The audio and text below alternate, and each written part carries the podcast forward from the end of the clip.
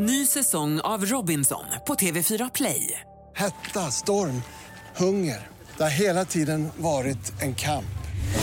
Nu är det blod och tårar. Fan händer just nu. Det. är Detta är inte okej. Robinson 2024, nu fucking kör vi! Streama söndag på TV4 Play. Välkomna damer och herrar till Drama och Intriger! Med Christian och Dory. Oh, det känns som vi är back in business, ja, nu äntligen! är vi fan i mig tillbaks alltså. Nu är det slutlarvat där hemma. Ja, alltså vi har varit så sjuka och sjuka och sjuka och sjuka hela julledigheten. Ja, Men men, nu är nu, nu, är vi back on track. Äntligen tillbaka. Och Ja. Doris satt precis och retade mig. Hon säger att jag är så horribelt äcklig för att jag, kära vänner, har lyckats få en vagel i mitt högra öga. Ja, du ser ut som crazy eyes. Ja, det ser ut som min ena öga typ svullat upp. Blir inte jättefarligt. Nej, men imorgon lär det vara värre. Så där brukar det se ut första dagen och sen ser det helt jätteäckligt Det gör ut. ju så sjukt Har du ont sett med att det är någon vagel. vits här? Någon finnaktig? Nej, i ögat? nej, jag har inte sett någonting på ögonlocken men jag känner ju att så fort jag blundar gör det jätteont. Gör det det? Men så kan det Jag kan vara. operera. Nej tack. Nej, Jag, jag tror jag klarar mig. Ja. Idag kära vänner är det då dags för avsnitt nummer 21 Mm. och det här är då det andra avsnittet, eller det första avsnittet, nej andra avsnittet 2023. ja, spännande. Alltså åren bara flyger, dagarna flyger. Ja, verkligen. Time flies. Och kan ni fatta nu, det här är avsnitt 21. Det känns som det var ganska nyligen vi började podda. Ja, det känns det verkligen som. Men Men- hoppas att vi kan nå ut till lite fler, tänker jag. Ja, så det du kan göra om du tycker våran podd är underhållande att lyssna på, dela oss. Facebook, Instagram, st- Gör Insta-stories, jättegärna det, då blir vi glada. Snapchat, TikTok, you name it. Snacks shit.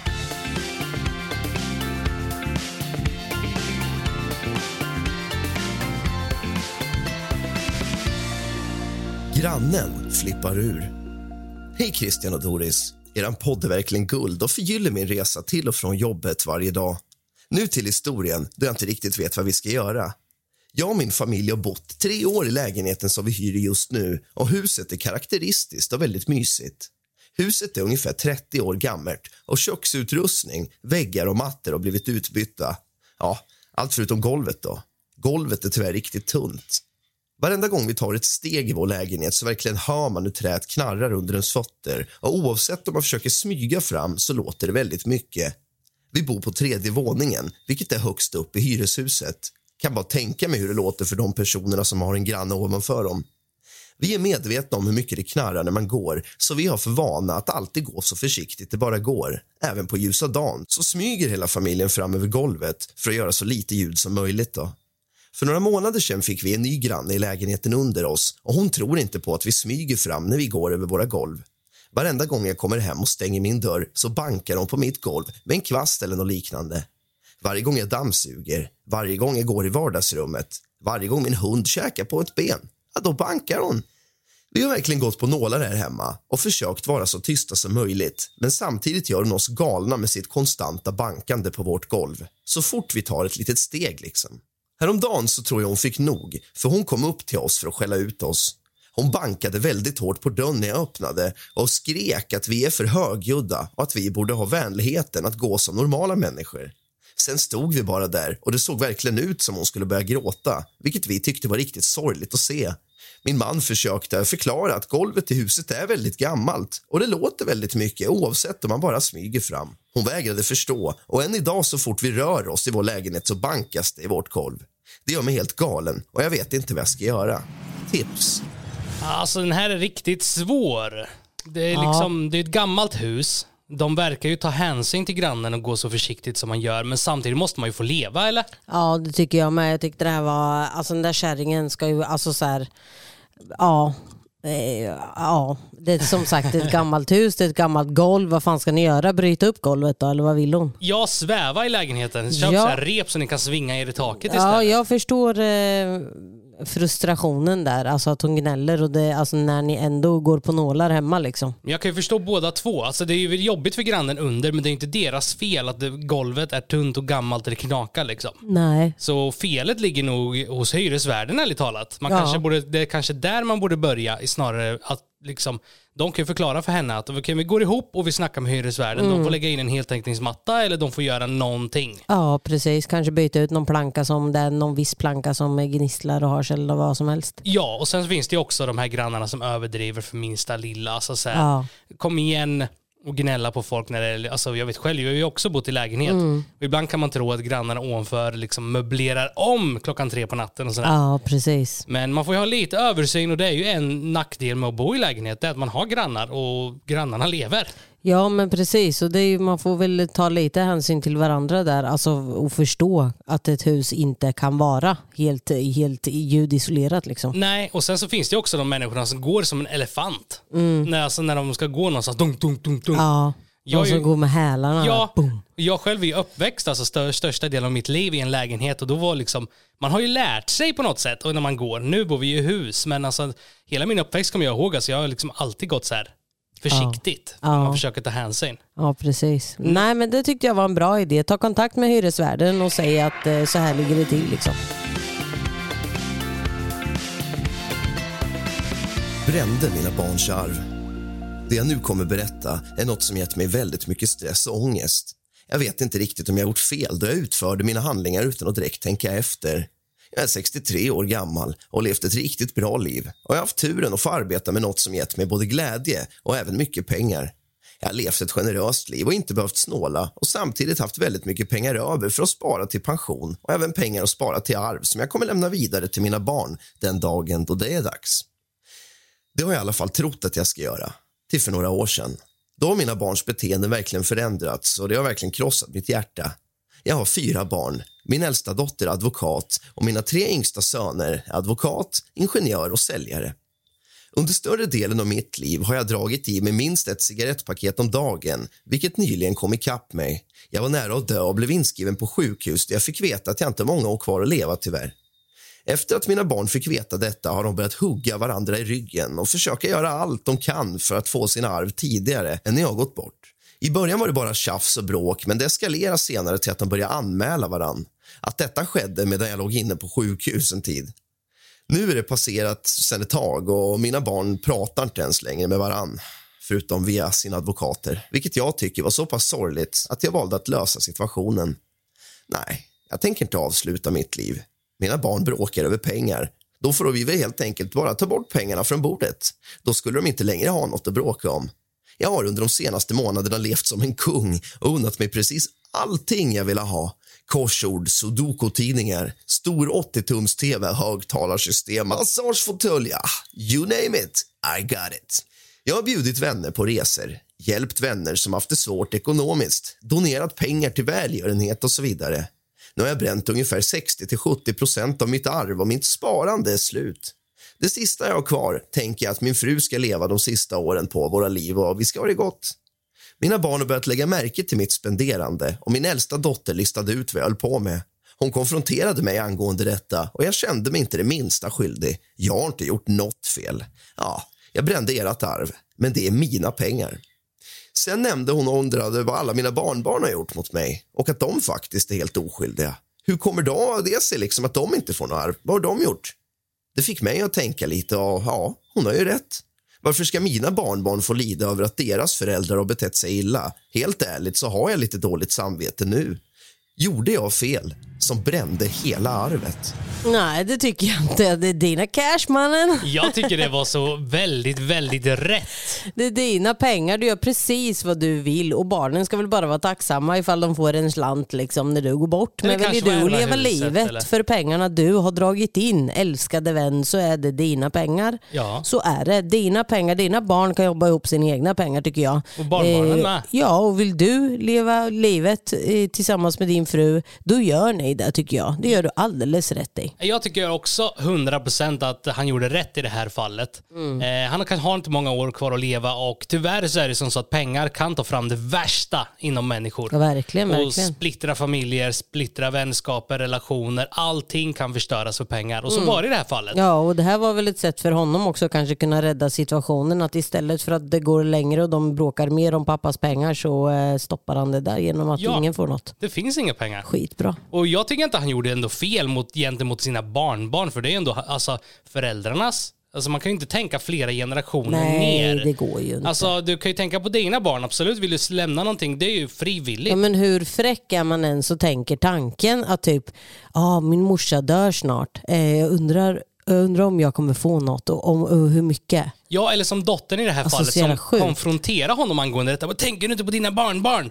Ja men du, det är ditt jobb att tänka på dina Exakt. barn, inte mitt jobb. Alltså, Nej. den där är helt sjuk. Ja, nej den där var jättekonstig. Så jag tycker att den här pappan gjorde då 100% rätt. Ja. Alltså, det liksom, han märkte att pengarna splittrade familjen och Exakt. eh, tog bort eh, det ur ekvationen och så vis löste problemet. Ja, absolut. Det är ju helt rätt, helt rätt. You go girl. Yeah, you, Girl, gubbe. You, you go gubbe. Vilken är den mest pinsamma situation du råkat ut för med en främling?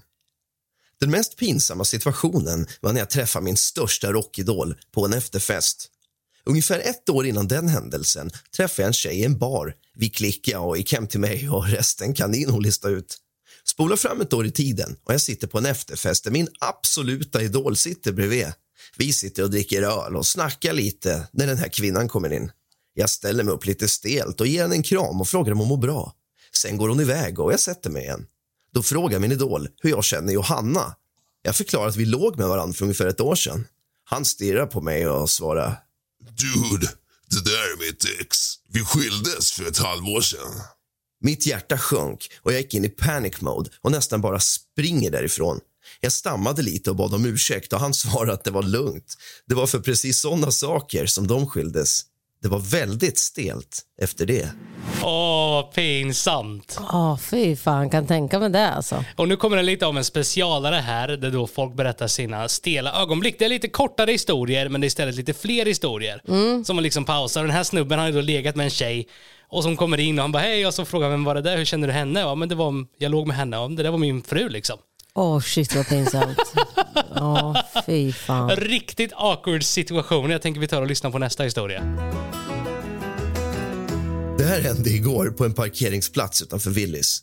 Jag släppte av frugan och väntade i bilen medan hon skulle handla mat för veckan. Jag satt där i min ensamhet och scrollade lite på luren när bakdörren öppnades och in stiger en äldre dam. Jag kollar bak för att se vad hon gör, men hon börjar fylla bilen med kassar och sen hoppar hon in. Jag börjar lite smått och står och stirrar bak. Efter en stund lyfter damen på blicken och jag kunde verkligen se paniken i hennes ögon när hon stammar ur sig. Nej, men, men du är ju inte min man. Jag bara satt där och log när hon gick ur bilen för att kliva in i bilen bredvid som för övrigt var en annan modell och färg. Hennes karl var även asiat, medan jag är brun. Jag kidnappar nästan en kärring. Åh herregud alltså. Det här påminner lite om ett tidigare poddavsnitt när Mo- Mofid från Studio S var med. Ja, Och han berättade exakt samma sak har hänt honom. ja fy fan. Alltså det är ju så lätt Panik, att råka alltså. göra bort sig i vardagen. Att man liksom så här, ja, men som Doris i butiken har till exempel tagit tag i vad hon tror är min hand, men så greppat handen på någon gammal gubbe liksom. Ah, han var så jävla arg alltså. Ja. Vad fan gör du? Och även i butiken. Typ. Jag kan stå med våran kundkorg, så kollar jag bort så står Doris och fyller en annans kundkorg med våra saker. Ja det är så standard. Alltid vet du Christian, man ska inte ligga där. Jag bara oh shit. Du vet så här, man måste gå och hämta tillbaka det jag har stoppat i. Alltså jag kan säga, är det någonting som är väldigt bra med Doris, det är ditt ansikts... Alltså så här, du, du har ett minne som är helt sjukt. Om vi träffar en person, Mm. och då kan du memorera ansiktet och sen tio år senare ser vi den personen igen. Du bara, det är ju den personen. Ja. Där är jag ganska dålig. Där är foto, fotominne eller vad Ja. man säger man? Jag tror det är något sånt. Jag är dock bättre på siffror och sådana saker. Ja, ja, Men någonting som tyvärr är Dorans akilleshäl, det är ta med tusan, alltså det här, du hittar inte. Nej, ditt lokalsinne. Jag har inget lokalsinne, Nej. det finns inte ens. Och jag tycker det är så gulligt varenda gång vi är ute och går. Och I Doris, stan, ja, vi liksom precis. upp, eh, raised and born i Norrköping Ja. liksom, och så kan jag inte ens vägen. Dora hon här, men du, du, du kan liksom vara så, så här, vad ska man Säker säga? Ja, vart jag precis, ska. Ja, vi ska hit och så bara leder hon. Jag bara, men Doris, det är hitat. Ja, ja, ja. Så går Ja, jag visste väl jag. Ska bara kolla om du var med. På tal om pinsamma, alltså, pinsamma situationer. Alltså, det finns någonting, det har blivit värre med mig genom åren. Och det är alltså, alltså jag, just i Sve- Sverige, det känns som ganska många tycker det här. Den mest pin, pinsamma och stela situationen någonsin, det är en hiss. Alltså typ, säg att man står i en hiss. Det skiter jag i. Jag kan tycka det är så jobbigt. Jag står i en hiss och så kommer det in någon. Man ska ju, alltså typ, om du inte säger något som är dum i huvudet typ. Men om man säger något som man också är dum i huvudet typ. Så det blir så här nej, awkward. nej det där tänker inte jag på utan jag tänker bara på att hålla andan typ. För jag får alltid för mig att någon ska fisa när jag är instängd där. Så då börjar mina tankar och så tänker jag shit tänk om någon fisar, jag kommer spy, jag kommer spy. Och så då håller jag andan typ. Men jag har blivit så skadad där att så här, det fick- kan, det, alltså, i vårt samhälle finns det ju människor som luktar illa. Mm. Men det här alltså under hela min uppväxt, jag har varit skärrad som barndom eller någonting och gått förbi någon som stank. Så jag har som vana att aldrig typ känna lukter eller så här, jag andas inte med näsan typ när jag går förbi folk och sånt. Mm. Jag vet inte, för det finns ju så många människor som då liksom, känner du hur han luktar? Nej, jag, jag, alltså jag, jag luktar inte. Jag har så här automatiskt vana att stänga av luktsinnet när jag går förbi Mm. Jag människor. känner allt alltså. Eller om man ser en människa som han där luktar nog illa, då, alltså då är det... Jag, ja, men jag är jättekänslig för lukter. Ja. Alltså det, det är något fruktansvärt. Alltså, som, nej, jag, jag är jätte, jättekänslig. Ja, och så finns det vissa människor som kanske inte själva vet om egentligen hur de luktar. Mm, Alltså sådana här som kanske inte, ja men de kanske luktar surt, de kanske luktar svett, lökigt. Pung. Ja, stjärt, stjärtsvett. Men alltså, känn, alltså, kan man verkligen bli så att man inte känner det själv? Ja det kan jag ju lova. Det är min första kille. Han luktar alltid så jävla äckligt. Gjorde det? Ja men alltså typ så här, han jobbade ju hela dagen och satt i en jävla traktor och så här. Ja, så jag vet själv, jag har ju också han jobbat i... luktade så jävla äckligt alltså. Jag höll på att dö och så luktade han kattpiss också. Han Men- luktade kattpiss. Men jag, jag vet ju också så här, typ, om man säger att jag har varit och jobbat en hel dag, jag har jobbat i fabrik tidigare till exempel. Mm. Ja, men då har jag suttit på den här skinnstolen, alltså, sen när jag har kört åtta timmar, jag vet att jag har svettats, jag känner ju själv hur jag luktar. Så det första jag gör när jag kommer hem är att ta en dusch. Mm. Ja. Men det finns ju människor som inte känner den där Ja, liksom, ja. självinsikten, bara okej nu luktar jag svett. Ja exakt, exakt. Nej men som han, min första kille luktade alltid kattpiss och det var inte så här för att vi hade katt eller någonting utan det är för att han, hans svett luktade på riktigt kattpiss. Ja men det finns ju olika, man, Jävla äckligt man alltså. kan väl svettas olika, alltså, så här, det luktar olika. Som du till exempel, jag har aldrig känt det lukta svett, svett, lök. På det sättet. Nej, nej, men jag brukar inte, jag utsöndrar inte sån lukt. Alltså så, så här svettlukt. Nej. Mitt hår kan ju börja lukta äckligt om jag svettas. Ronja Rövardotter. Ja, men Inte, inte under, jag luktar aldrig svett och så här. Nej, nej men det är väl främst Eller röv och så. Nej, men det är väl främst på sommarmånaderna det kan vara så att man kan lukta illa. Ja, men du, jag känner aldrig att du luktar illa. Nej, men jag, det, är, det är ju för att jag själv känner att direkt, okej nu luktar jag illa, då går jag och tar en dusch eller så här. Alltså jag vet att det, Ja, min, min alltså, deo håller ja. i 48 timmar. Ja. Och efter det så det, det, there's no going. Men du får ju typ panik om vi har suttit i en bil och åkt lång, en lång sträcka. Ja. Då måste ju typ hem och duscha. Ja, eller om man varit iväg och även om man sovit på hotell eller Jag suttit, jag har suttit i bilen hela dagen och luktar äckligt. Man kan känna Fast sig du så äcklig. Ja, men fast du, du, jag tror du är fan renligare än vad jag är. Tror du det? Ja, nej jag tror inte jag vet. Ja. Du, är, du har lite sån här eh, renlighetsfobi, eller inte fobi, vad heter det? Du har lite Mani. sån här, eh, ja li, lite så. Lite så. Ja, det tycker jag. Ja, Du är jag vet också att, säg till exempel man åker utomlands en vecka på Gran Canaria och man sover på hotell, även om man duschar och sånt där när man kommer hem. Eller så är det... Ja, men man, där känner jag Ja. också paniken. Fast jag tror inte det är när man är utomlands å andra sidan. Jag tror det har att göra när man suttit på ett flygplan. Nej, Varenda gång jag jag blir sett- varje gång när vi har varit iväg. Alltså det spelar ingen roll om det är Landskrona, Linköping, event, vart som helst. Alltså, jag får sån jävla panikångest. Alltså jag måste in i duschen.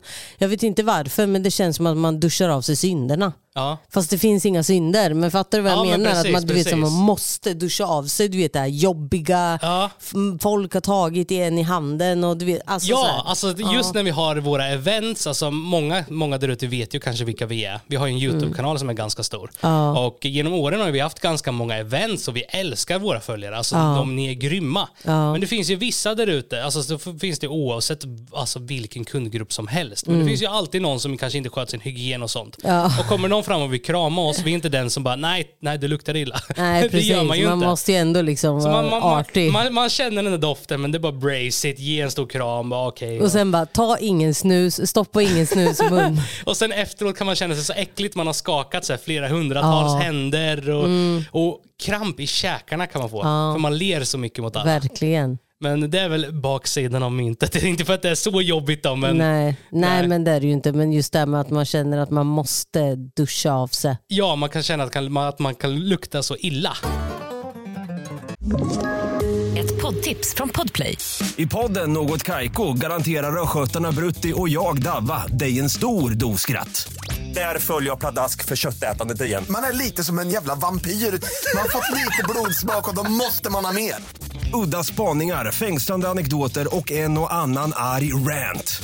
Jag måste ha mitt kaffe på morgonen för annars är jag ingen trevlig människa. Då är du ingen trevlig människa, punkt. Något Kaiko, hör du på Podplay. Därför arkadeinerna.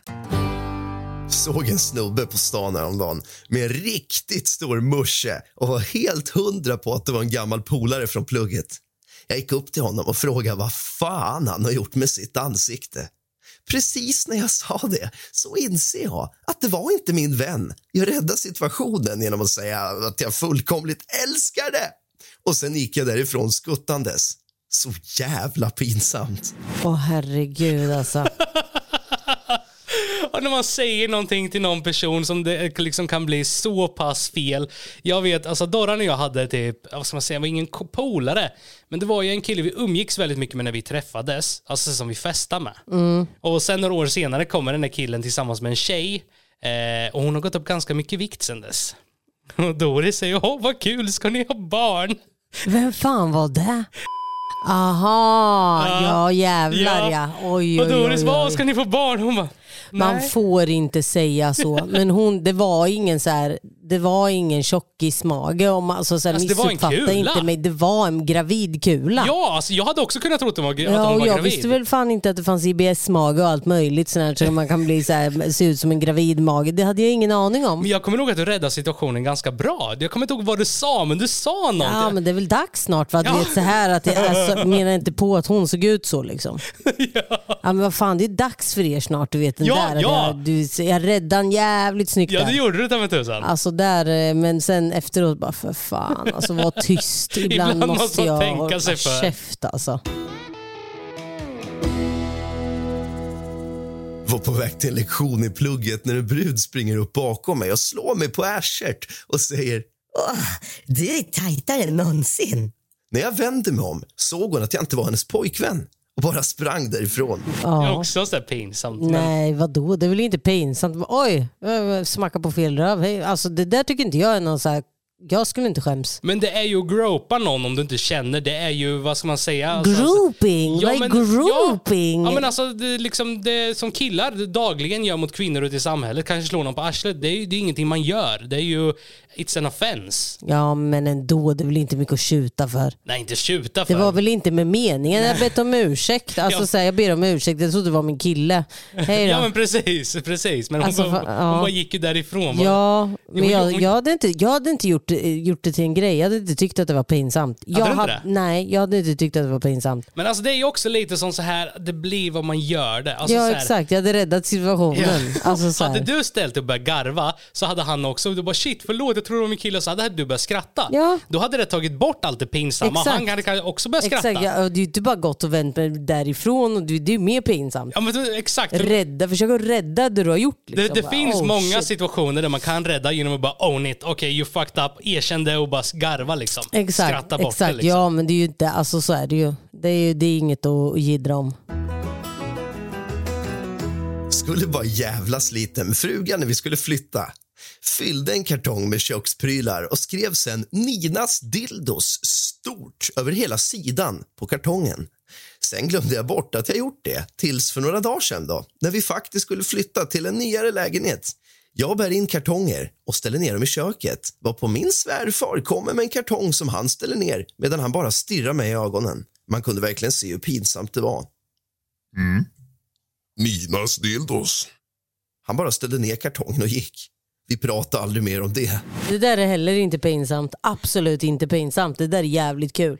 Ja, men det är jättekul. Alltså folk är så jävla torra. Alltså I'm sorry men det där är så jävla Men- kul och jag kan säga det, alltså jag måste tala om det här att varje gång vi har flyttat så har vi alltid ritat Bamse-raketer på varenda kartong. Ja, eller med vi menar du du. Ja, ja, bara för att det är kul. Bara för att det är så här, jag vet inte. Typ det, det är något visst när man ska flytta. Då gör, och så ska man stå där och skriva på kartongen och så, så, Och så bara skriver man det så. kök och så är det en liten raket. Ja, liksom. exakt. Ja, ja. Så, så är det bara, men det är jättekul. Jag ska börja skriva dildos, Dorrans dildos på kartongerna. Ska vi göra det? Ja.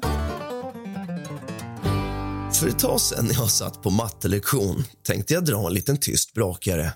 Det var dock plaststolar och jag har aldrig hört en så hög brakskit. Alla i klassen började asskratta, fick panik och visste inte vad jag skulle göra. Så jag började också skratta.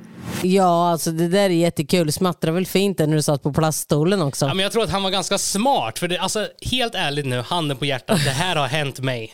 Fast det var när jag var, vad kan jag vara, kanske sex, sju år. Mm. Ja, vad hette det här som var väldigt stort för? Man kunde vara med i kyrkan, vet du, så här, ungdom, eller så här, barn. Kyrktimmen eller vad det hette. Ja. Typ någon sån här församlingsgrej. Och vi bodde ju då bredvid en kyrka där jag liksom är uppvuxen.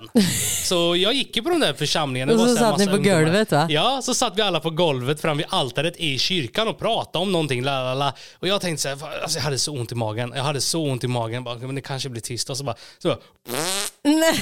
Och alla bara började kolla överallt. Jag såg att ingen såg vart det var så jag började också kolla överallt. Nej. Nej. Men som den här killen, att han började garva också. Och du bara, Ja, nu ser jag precis. bara Cataleya framför mig. Du vet den där. Man, bara så här, man börjar kolla, vem fan var det där? Och så börjar jag med, vem fan var det där? Nej. jo, jag tror inte det var någon som visste att det var jag som fjärtade. Ja. Nej, jag har aldrig varit en sån fjärtare. Alltså, så här, men om jag skulle fjärta så jag skäms inte för att fjärta. Det, var, det är det som är så jävla kul. Nu kan vi ju ta upp en historia här med Mofid, Ja. min tatuerare. Eh, även ägare av Studio S i Linköping och Stockholm. Han, i alla fall... Han har gästat i ett avsnitt. Ja precis, han har gästat här i ett avsnitt. Men han i alla fall sa, alltså vi kom väl in på det här med att fjärta och då, då sa han det, ah, fy fan tjejer du vet så här. Han tycker, inte, han tycker att det är, äck, det är läskigt tror jag att han tycker Ja, att den ja. tjejer fiser du vet så här. Ja. Det är bara karlar som kan. Ja. Och så satt han medan han tatuerar mig så sitter han du vet och släpper brakare efter brakare och du vet så här, jag bara, så, du är så grisig här. Du vet, Ja, så här, det, vi har en kompisrelation så. Och så sa hörru du Mofid, sa du, sa du att tjejer inte fejsar? Ja nej det gör de inte. Så la jag världens jävla dranagel och jag lovar den där blicken jag fick, oh my god, den var priceless alltså. Alltså han var så chockad. Alltså han, han trodde verkligen inte att jag kunde fisa. jag bara, där har du. Ja. Jag kan också, kan du kan jag. Så Och jag vi- bara, fortsätter du fisa så kommer jag också fortsätta. Vi kan ju säga det också till alla karlar där ute som inte tror att kvinnor bruttar. Ja, vi kan ni. Vi kan nog värre än er också ska ni se.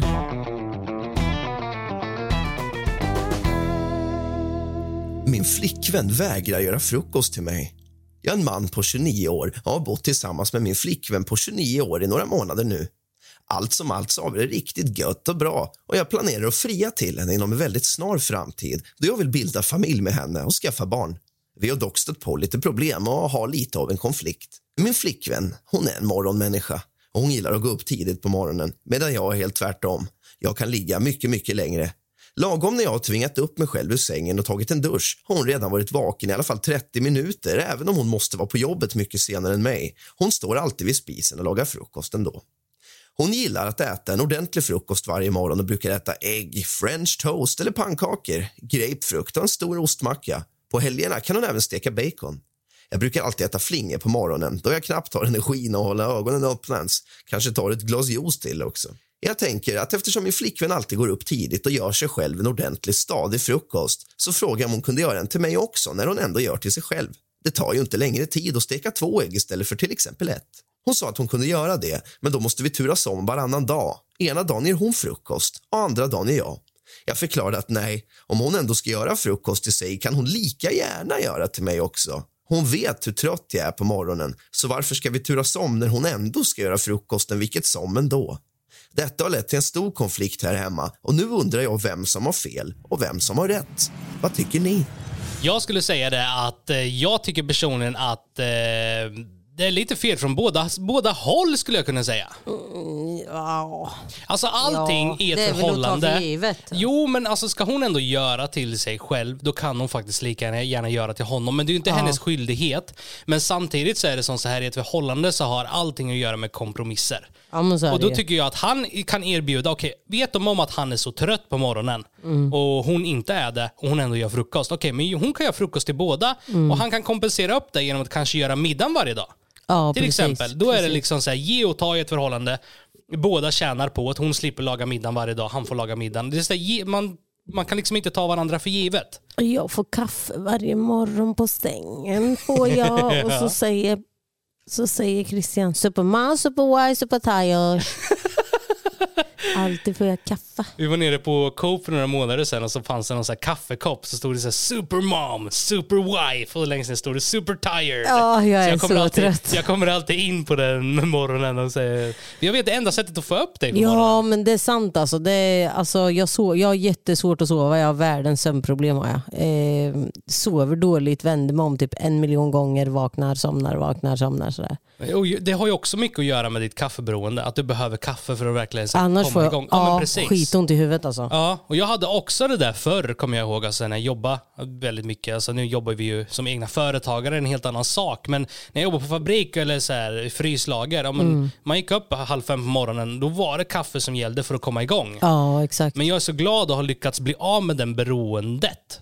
Nej, Jag gillar mitt kaffe på morgonen. Nej, jag kan gilla kaffe. Alltså jag dricker ju kaffe gör jag. Men alltså, det är väldigt sällan före klockan tio på dagen. Jag kan ta en kopp på dagen eller om man fikar. Eller så kan jag tycka det är gott med kaffe. Nej, jag, jag tycker att det, jag blir mätt på kaffe också. Blir det Ja. Blir det så här att magen kommer igång på morgonen? Att man måste typ... Bajsa. Ja. Morgonbajsen. Va?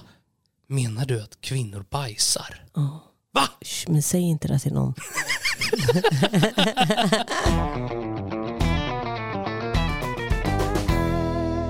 Min fru vill inte prata med mig. Jag är en man på 34 år och bor med min fru på 32 år och våra barn på 4 och 7. Jag arbetar som undersköterska på ett gruppboende och min fru driver ett bageri tillsammans med hennes mamma. I vårt hem är det alltid min fru som lagar all mat då hon är mycket bättre på det än vad jag är. Jag kan laga mat ibland i hemmet men det är oftast min fru som drar det största lasset där med barn och sysslor och städning och så vidare. Igår när jag kom hem från jobbet så var maten klar och jag började duka fram tallrikar och bestick medan min fru gick och tvättade sina händer. Mina barn gillar att få sin mat färdigskuren så jag började skära upp deras kyckling när jag märkte att kycklingen var helt rosa på insidan. Jag bad min fru komma och kolla på det och hon erkände att den var lite rosa men att det är ingen fara. Jag sa att jag tänker inte låta barnen äta rå kyckling. Hon sa att jag skulle sluta bete mig som en barnrumpa och att det är ingen fara. Jag gav mig inte och sa att hon kan inte ge barnen rå kyckling och att jag inte tänker tillåta det. Då sa hon att om du inte ska äta maten jag lagat så kan jag minsann ta och laga maten åt dem själv. Jag gjorde istället varma mackor i ugnen och gjorde även extra till min fru som hon inte ens tog en tugga på.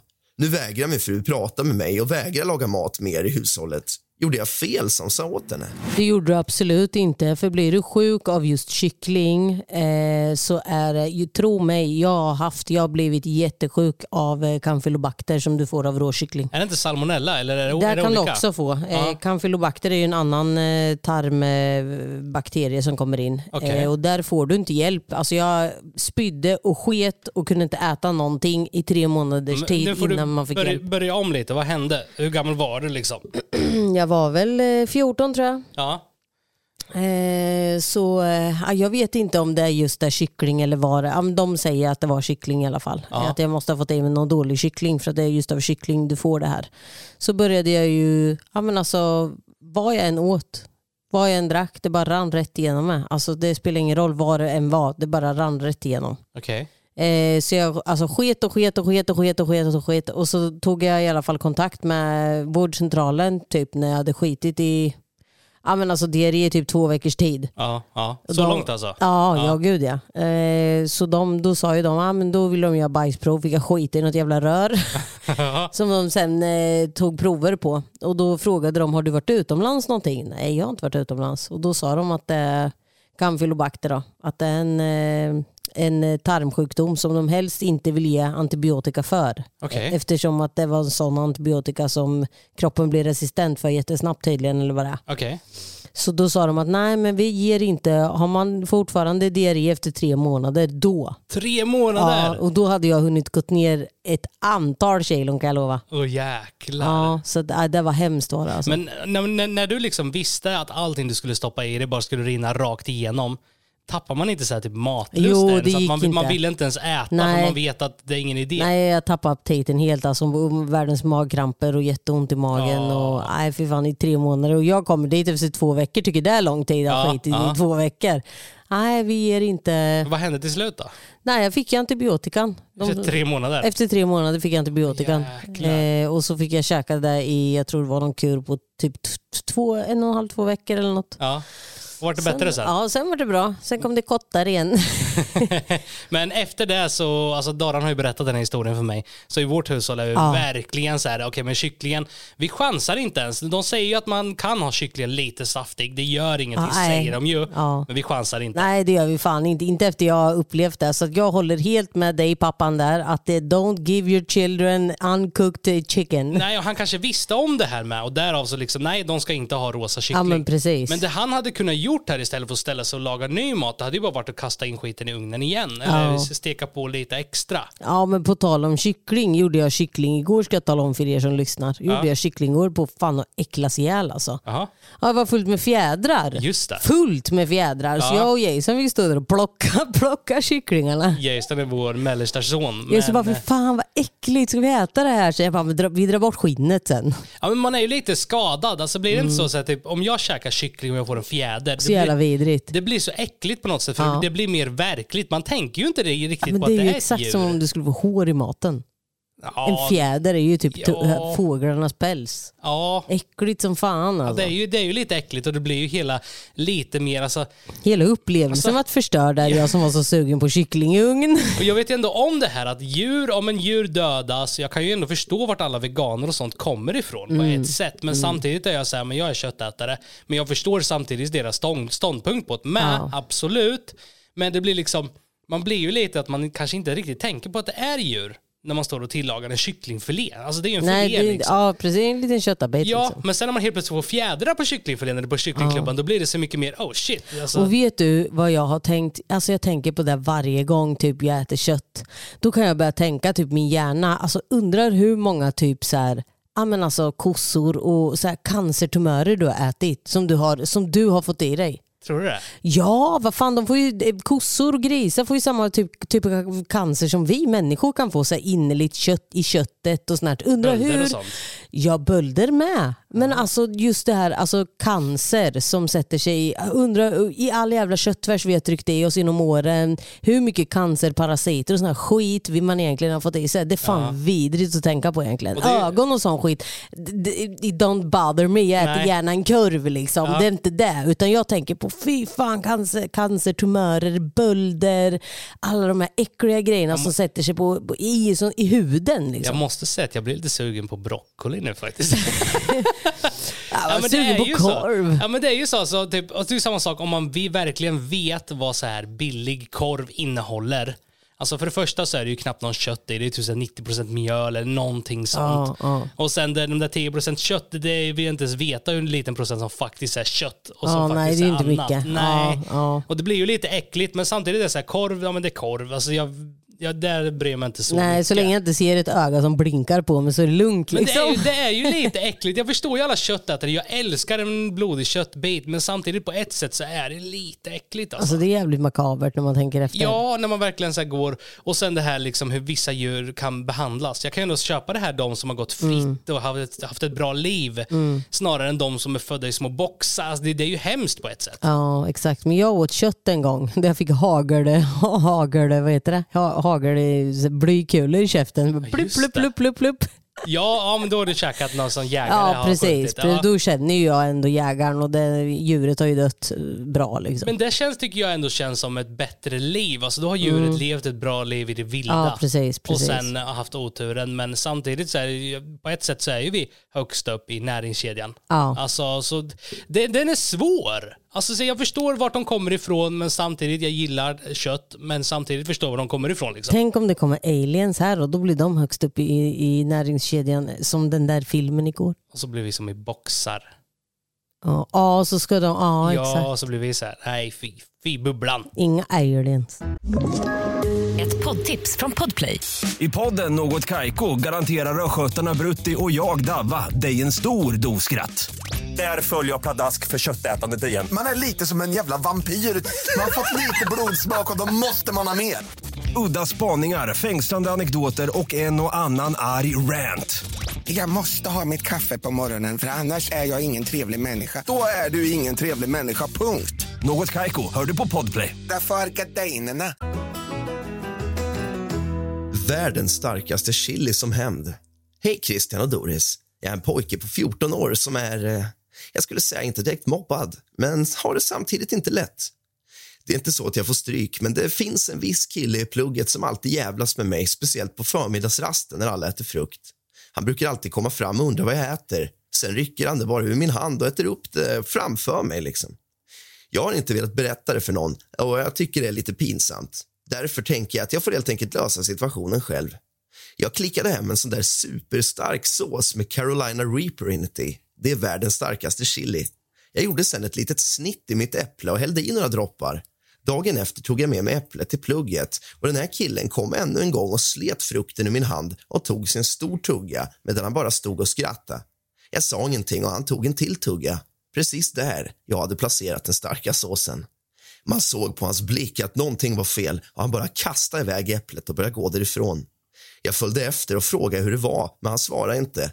Jag fortsatte följa efter och han gick in på muggen.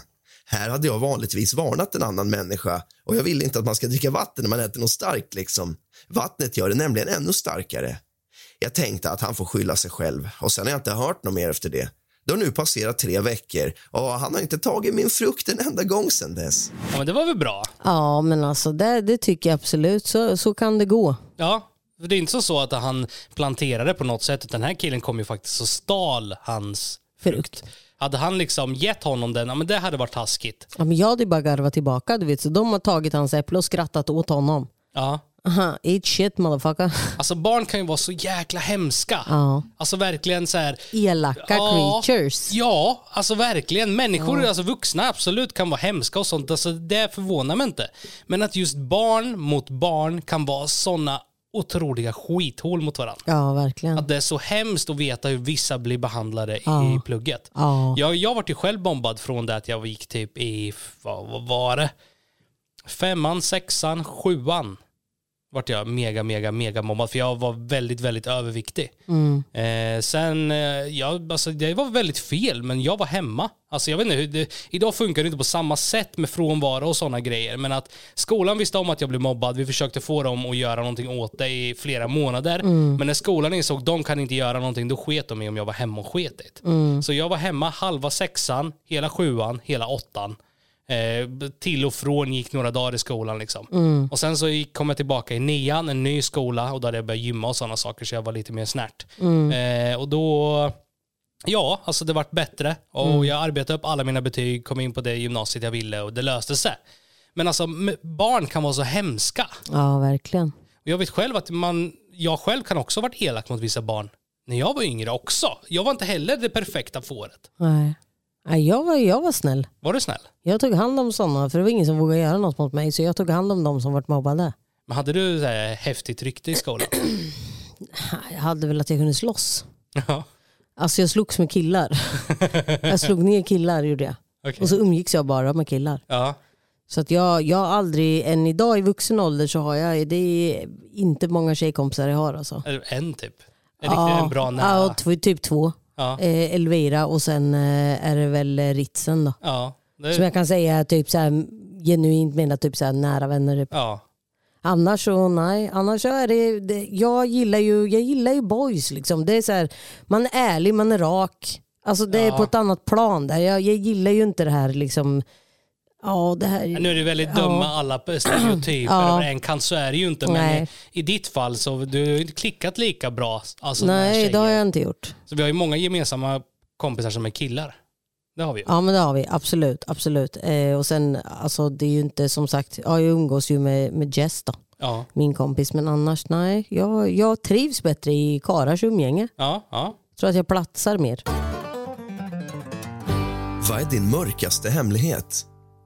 När jag var 12 år så tog mina föräldrar mig för att kolla min hörsel då jag aldrig svarade när mina föräldrar ropade mitt namn hemma. Jag bestämde mig för att inte låtsas höra pipen i maskinen och fick därför använda en hörselsnäcka på varje öra i två år fram till dess att jag var 12 till 14. Efter det så låtsades jag kunna höra igen och mina föräldrar har ingen aning om att jag bara fejkade att inte höra. Vilken jävla skitunge! Fy fan, det, där är, det där är lite kul.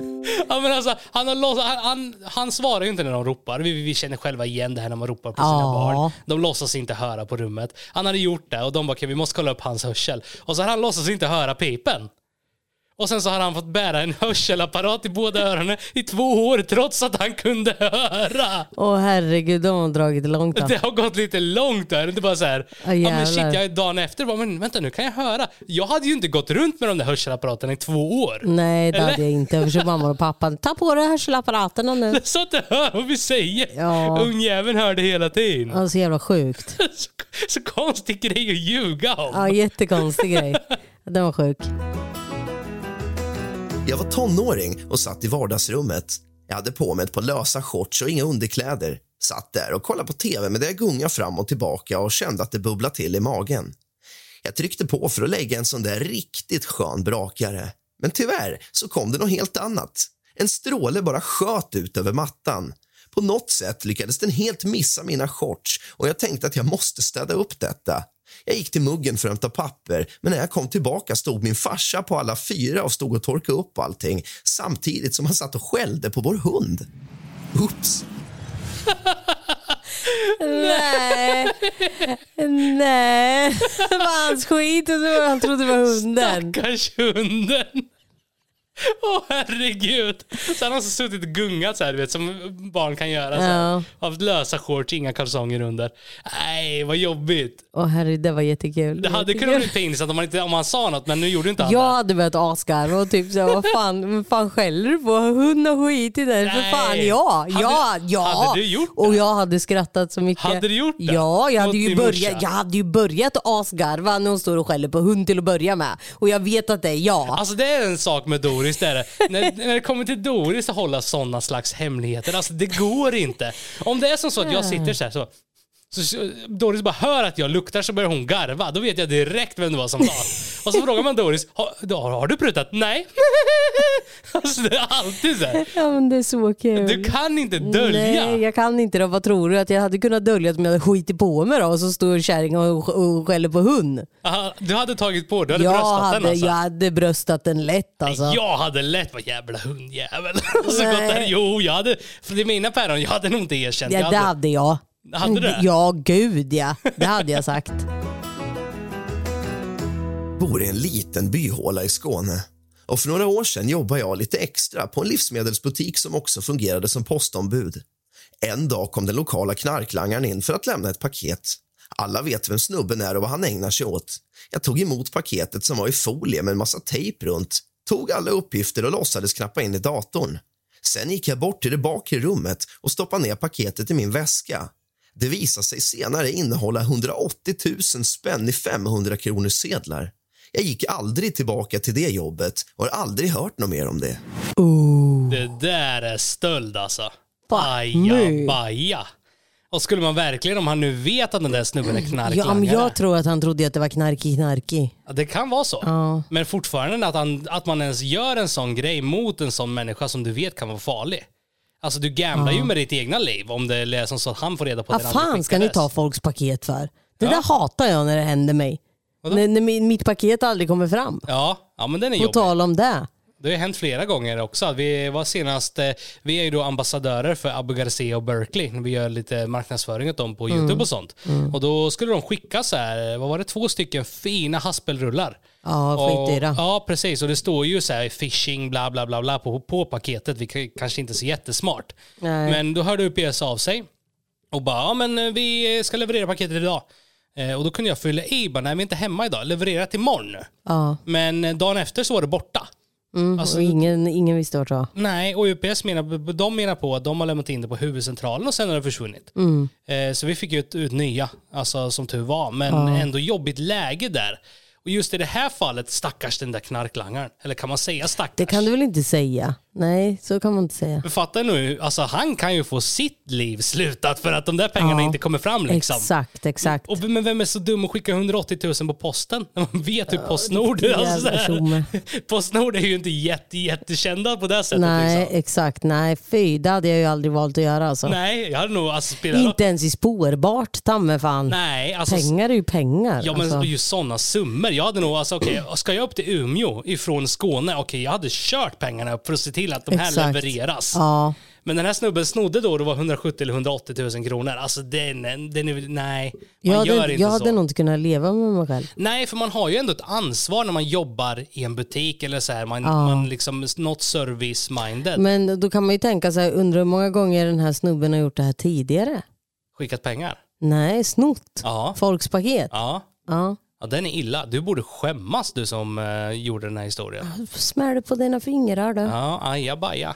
Ja, ni kära vänner, det här summerar då avsnitt nummer 21 av Drama och intriger och förhoppningsvis tyckte ni det var underhållande att lyssna på. Mm, det får vi hoppas. Och så hoppas vi att vi hörs eh, nästa vecka klockan Ja, 06.00 precis. och att ni tar hand om varandra. Och skulle det vara som så här att du kanske har någon historia eller dilemma som du känner att du vill dela med dig av, mejla då oss på drama och intriger at hotmail.com. Stort tack för att du lyssnade. Vi hörs helt enkelt nästa onsdag klockan. 06.00. Puss och kram.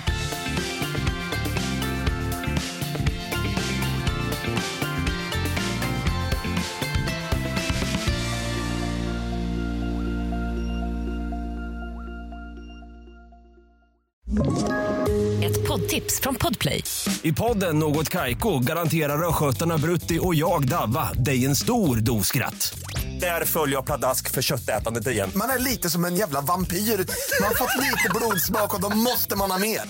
Udda spaningar, fängslande anekdoter och en och annan arg rant. Jag måste ha mitt kaffe på morgonen för annars är jag ingen trevlig människa. Då är du ingen trevlig människa, punkt. Något Kaiko, hör du på Podplay. Därför är gardinerna.